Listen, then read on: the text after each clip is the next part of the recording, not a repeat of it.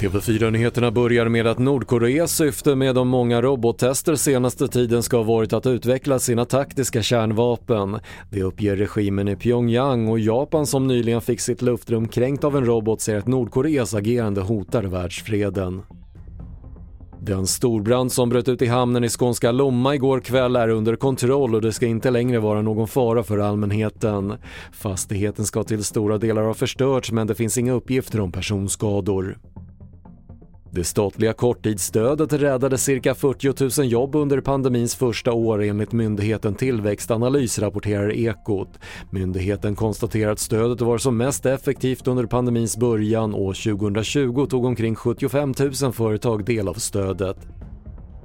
Och en tiger som sedan i maj dödat minst nio personer i Indien sköts ihjäl av polis igår. Senast i lördag ska tigern ha dödat en kvinna och hennes son men redan innan den attacken hade myndigheterna beslutat att skjuta tigern efter att försök att söva och fånga djuret misslyckats. Fler nyheter hittar du på TV4.se. Jag heter Patrik Lindström.